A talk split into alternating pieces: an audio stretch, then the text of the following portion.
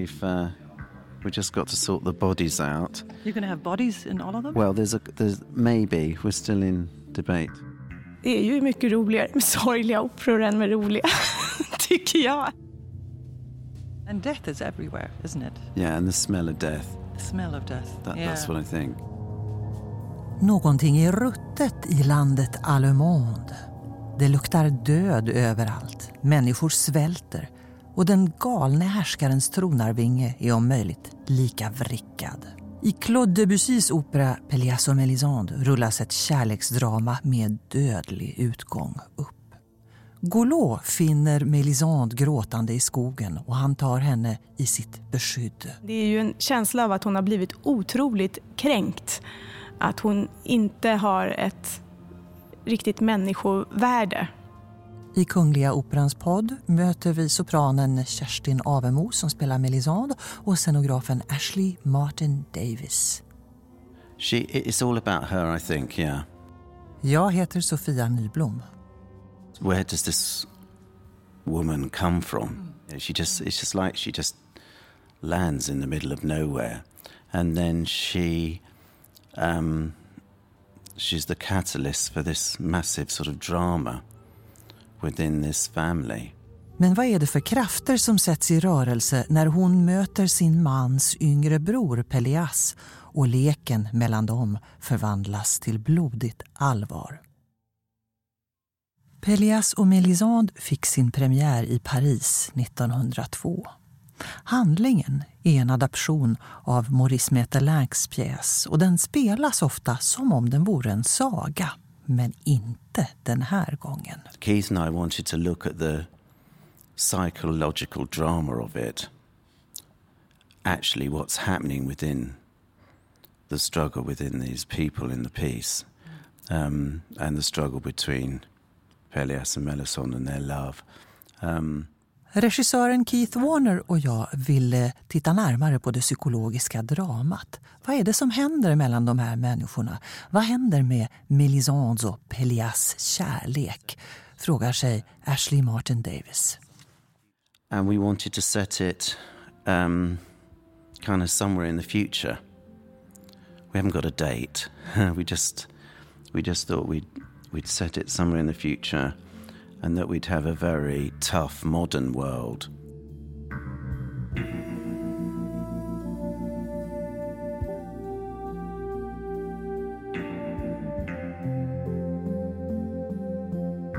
Ashley och Keith har tittat mycket på film under arbetet med Pelias och Melisande.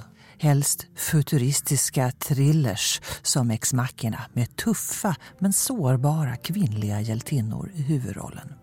Where she tumbles into our space, she sort of drops. She's actually going to fly in, and she drops into our world. There's a a huge ellipse, a great big hole in the middle of the of a ceiling, um, and through it we see just a little bit of the forest because there's a lot of reference to nature in the piece, and um, that's at this point we're going to see Melisande drop drop through the space. Men vem är hon egentligen och vad är det för mörk hemlighet hon bär på? Jag föredrar ju att inte säga vad jag tror att den är för att jag tycker att minnen av i synnerhet väldigt traumatiska saker, de ska inte, och de har inte ord, Kerstin Avemo spelar Melisande. utan eh, de är mycket mer komplicerade än så. De är liksom lukter och känslor. Och, så att för mig är den känslan väldigt stark och väldigt drabbande och faktiskt väldigt jobbig när man repeterar. Hon pratar ju om att hon har tappat en krona som har fallit ner i botten av en brunn. Hon har på något sätt fallit från det högsta ner till det lägsta och det behöver ju inte handla om klass. Det kan ju handla om känslor också, att man kommer från det absolut lyckligaste till det absoluta största vemodet och självmordskänslor. Och. Ashley Martin Davis hittar inte riktigt ordet när han ska beskriva hur han uppfattar den undflyende och ganska ordknappa Melisande. maybe we think she's she's escaped from a mental asylum. We don't know. She's she's um, what's the word? Um, Är hon kanske hemlös eller Flykting, föreslår jag. Yeah, she could be a refugee. She's just, she's sort of nowhere. Ja, det skulle hon faktiskt kunna vara, säger scenografen. Eller kanske någon som har rymt från ett mentalsjukhus. It's quite interesting that she doesn't come with any history. And it's never really talked about, I don't think. Keith and I thinking that she's going to constantly change her persona and her look. And I think that will happen with hair as well, with wigs. She's going to have several wigs and her hair's going to keep changing. Um, and I think she she she starts um, very very vulnerable um, in a in a hospital gown. Very sort När vi möter Melisande bär hon sjukhusdräkt och är väldigt sårbar. Och sen försöker hon hitta sin persona genom att prova olika utseenden. Hon anpassar sig till klichébilden av hur en kvinna ska vara med röda läppar och höga klackar.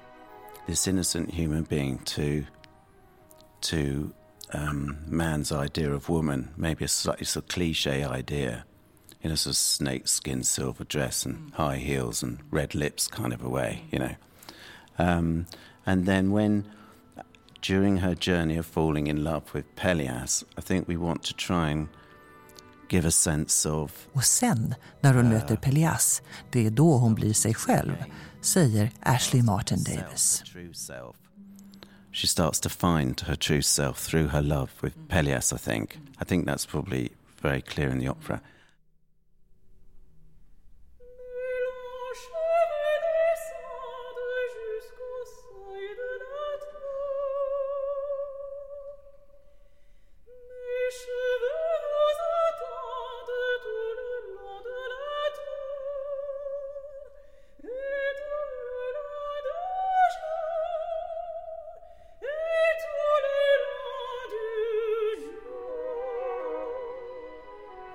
Nyckelscen i operan så släpper Melisande ut sitt långa hår inför natten medan Pelias står utanför hennes fönster och blir betagen av hennes skönhet. In the piece, it's the famous uh, moment when Melisande is up a tower, you know, and her hair's hanging out, and um, Pelias is trying to climb up, holding on to her hair. And we, we are definitely demystifying that because we're going to set it in this hairdresser's. And um, Melisande is going to be trying on different wigs. And she is then going to taunt in a sort of playful love kind of way with Pelias, who's having a haircut on the other side of this hairdresser mirror. Um, and that- that's the sort of the real start of their, uh, or no, continuation of their love, playful love together. Kerstin Avemo, Melisande. De är instängda i det här stora slottet. Det är ju i alla fall från början så, Mette Langs idé.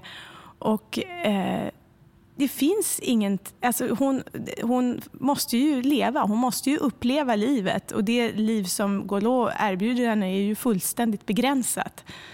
Medan eh, Pelias erbjuder ju inte bara kärlek utan möjligheten att liksom dela någonting, att låta sig överraskas, att, ja, att se världen. Det är i scenen med håret som Pelias och Melisandes vänskap förvandlas till kärlek. Jag tycker att det är en väldigt bra idé av Keith. Han har ju liksom löst det som att håret är en lek. Håret är ett sätt för Melisande att tillfredsställa Pelias, men i tidigare scener också Golo.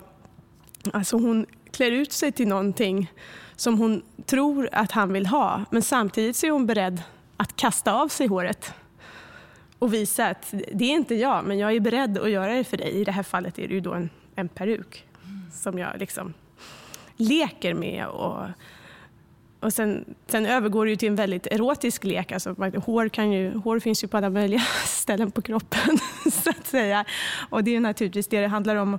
Och det finns en, eh, en, en, en del av scenen där, där han till och med binder mina händer ja, på ett väldigt erotiskt sätt fast med, med håret.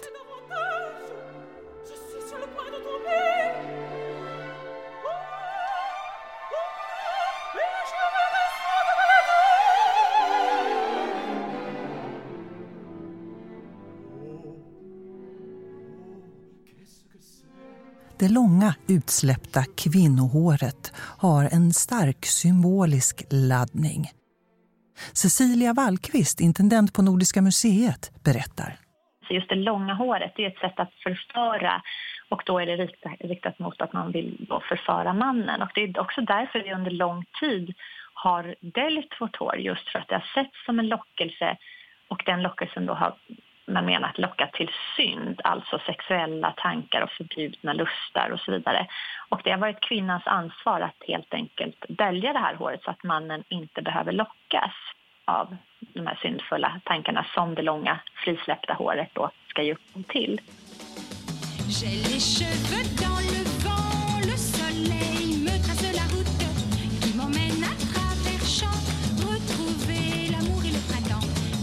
I det gamla bondesamhället täckte kvinnor håret ända till slutet av 1800-talet och ända in på 60-talet skulle en ordentlig kvinna i den västerländska delen av världen antingen ha håret uppsatt eller täcka huvudet med hatt. När Brigitte Bardot på 1960-talet sjunger om att låta håret fladdra i vinden är det alltså fortfarande en tydlig sexuell signal.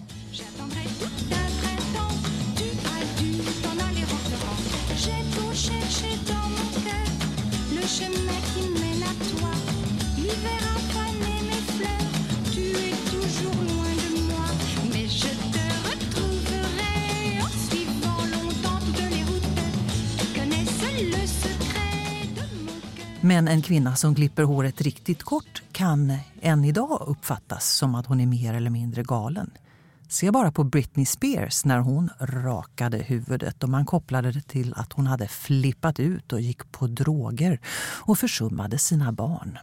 När kvinnor börjar klippa sitt hår kort, som då de första som, som vi kan hitta källor på, det är ju att det är slutet av 1800-talet börjar de radikala kvinnorna att klippa håret. Eh, sen på 1920-talet då slår det igenom i de bredare lagren och då, fram, eh, då är det semivetenskapliga, skulle jag väl högst kunna kalla dem för, eh, rapporter som dyker upp och talar om att kvinnan förlorar sin kvinnlighet genom att klippa av sig håret och att man riskerar då att få både skäggväxt och kraftig behåring på kroppen. Kerstin Avemo hade inga såna funderingar när hon lät klippa av sitt eget privata hår. Min eh, relation till hår är väl precis som alla andra kvinnor. Det, det känns, det, det, det är viktigt, det är en del av hur man ser ut. Men samtidigt så, jag kommer ihåg första gången jag klippte mig väldigt kort. Så jag gick som på moln i flera dagar. Jag kände mig så otroligt lycklig och befriad. Så att det är ju någonting med Mm, det långa håret som även om det är otroligt vackert och man gärna vill ha det, så, som är lite begränsande. Mm.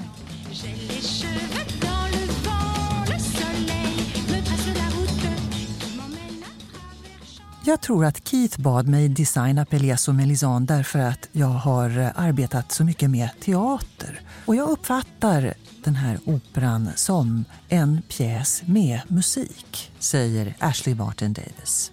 I think the reason that Keith Warner asked me to design this is because of all the plays I do. You know, because he said to me he wanted to approach it exactly like a play. He wants to rehearse it like a play. And we're trying to do um, the same thing uh, through with the design, um, particularly with the costumes. We're trying to keep the costumes um, very open uh, to find out how the characters develop in rehearsals and then dress them according to that. Vi repeterar som om eh, det vore en pjäs och det gäller också kostymerna. Jag försöker hålla dem så öppna som möjligt, säger scenografen. Vi har skapat flera olika alternativa kostymer för Melisande så att vi kan växla beroende på hur repetitionerna utvecklas. So we've we've made we've made quite a few different alternatives, particularly for Melisande, um, so that we can probably have have an experiment and see what happens on stage and maybe change what she's wearing at different times.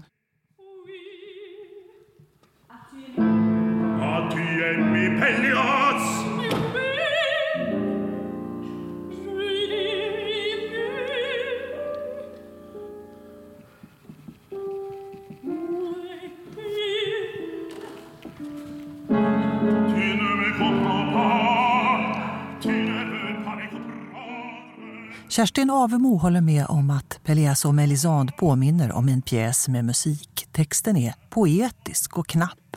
Absolut, Absolut. det håller jag ju fullständigt med om. Och, och det är ju också så med, med texten att den är Alltså det är ju som recitativ hela tiden. Sen att det, inte, det låter ju definitivt inte som recitativ eftersom orkestersatsen är så fantastisk. Det är inga höga toner, det är inga långa linjer, det finns ingenting att eh, använda sin fåfänga till i den här rollen. Utan, men det, som, det är otroligt koncentrerat och det är ganska stora sanningar i det hon säger. Det finns liksom någonting mystiskt men samtidigt, allting hon säger är ju en one-liner, så att säga. Det är väldigt talande hela tiden. Och det är ju också väldigt roligt på något sätt med en eh, så poetisk text som, som pratas på ett ganska alldagligt sätt och inte liksom högtravande och långsamt utan det är liksom en pladdrig, ganska snabb franska. Det, jag gillar det.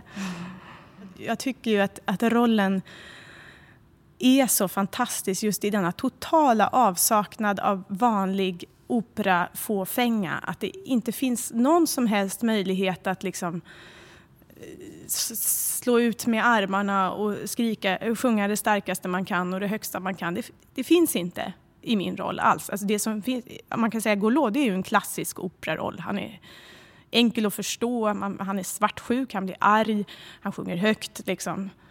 Eh, men Melisande är... Hon, hon bara är.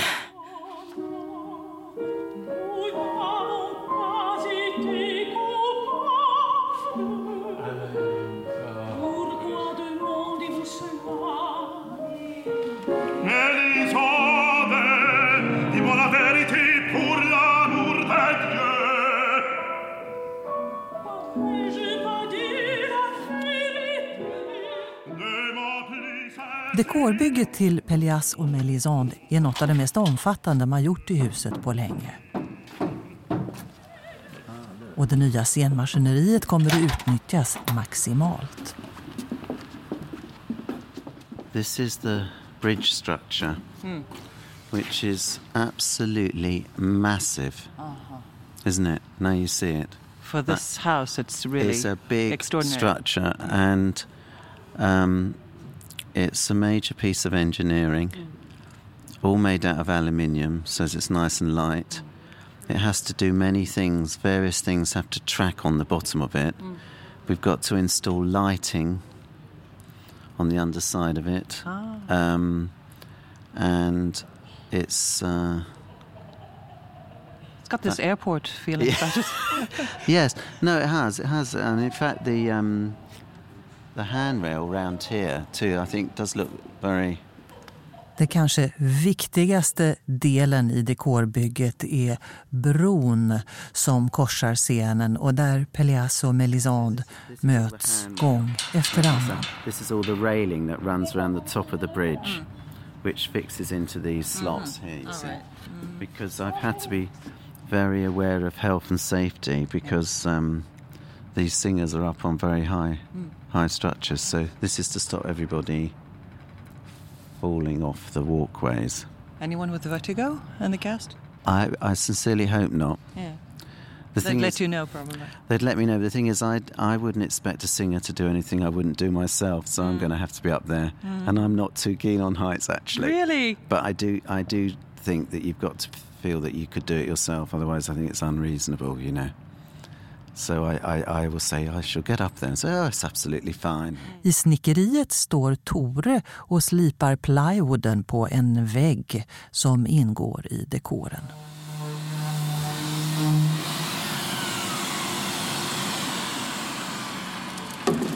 Hej, Hej, Sofia. Tore. Hej.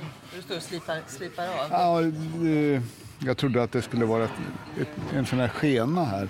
Men sista ska det inte vara någon skena så jag var tvungen att lägga på en bit. Och då ska det ju vara på eh, såna här eh, Perstorp eller såna här... eh, Melanin. ja, Ja, fast grått då. Så, att, det, så, så, så, så, så, så blir det. Ja. Så att det här är ju liksom bara våra ritningar. Ja, just det. Men det blir ju på andra sidan så kommer det gå utan att sitta i mitten här. Så, att det, så det är hjul på och så skenor. Så att de glider snyggt fram och tillbaka, förhoppningsvis. Då. I fjärde akten står en likkista på scenen. En av många utmaningar för dekorverkstan är att måla och patinera plywooden så att den ser ut som betong. This is uh, well, this is a concrete um, coffin bearer. Right. It's there's there's a coffin on it, and it needs it's like a kind of modern crematorium or something, you know, a church, uh, chapel, and there's a body in state in rest in a coffin on the top of it. Um, uh, concrete block. Really looks like concrete. Yeah, done a good job with it. Done a very good job from a bit of old plywood to turn it into some concrete with some texture on the top. That's the nature of scenery. När Melisande tappar ringen hon fått av Golot i parken så tvingas hon gå och söka den trots att natten har fallit. Peleas och hon går till ett bårhus för att söka efter ringen. So, so they're coming here to. Are they actually They're opening going them to up open. and looking They're going to open some of these up, these doors, and they're going to s- try and find Melisandre's ring. I mean, they're acting out the Right. motions, aren't they? Because they know where it is actually, Yeah. but they're having to go through the process of looking for it. Mm-hmm. I raden av fängslande scenbilder en färjehållplats, ett bårhus, en lika steril sjukhusmiljö med ett gigantiskt akvarium finns en gemensam nämnare, en syrlig, tuff skönhet. It will be very beautiful, but in a sort of cruel way. It'll have a cruel, um, uh, tough beauty. I think very sort of sensual and tough um, and moving. I think.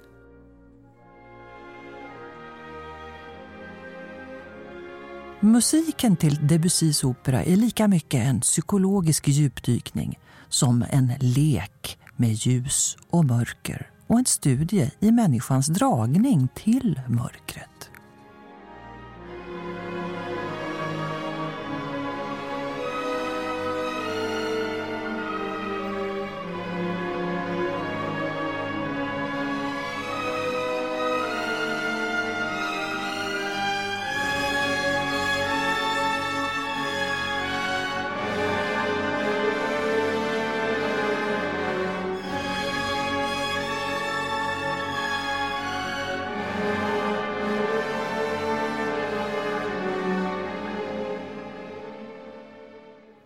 Kerstin Avemo Jag tror att alla människor lockas av mörker och, och liksom, det är ju Freuds idé om, om eh, en dödslängtan Det känns ju väldigt närvarande i det här och det är ju mycket roligare med sorgliga operor än med roliga, tycker jag. Ehm, det handlar ju om att få upptäcka sig själv och liksom gå ner i de absolut värsta skrymslena och, och se om man kommer upp igen eller se om man kommer upp igen som en annan människa att, att utsätta sig för det är ju att ge sig själv chansen att växa. Du har lyssnat till Kungliga Operans podd om Debussys opera Pélias och Mélisande som har premiär den 19 mars. Musiken hämtade jag ur tv-serien Twin Peaks och det var Brigitte Bardot som sjöng Les cheveux dans le vent. Och så hörde vi en inspelning av operan med bland andra Maria Ewing, Claudia Abbado och Wienerfilharmonikerna. Jag som producerat podden heter Sofia Nyblom och O-podden görs hos produktionsbolaget Munk.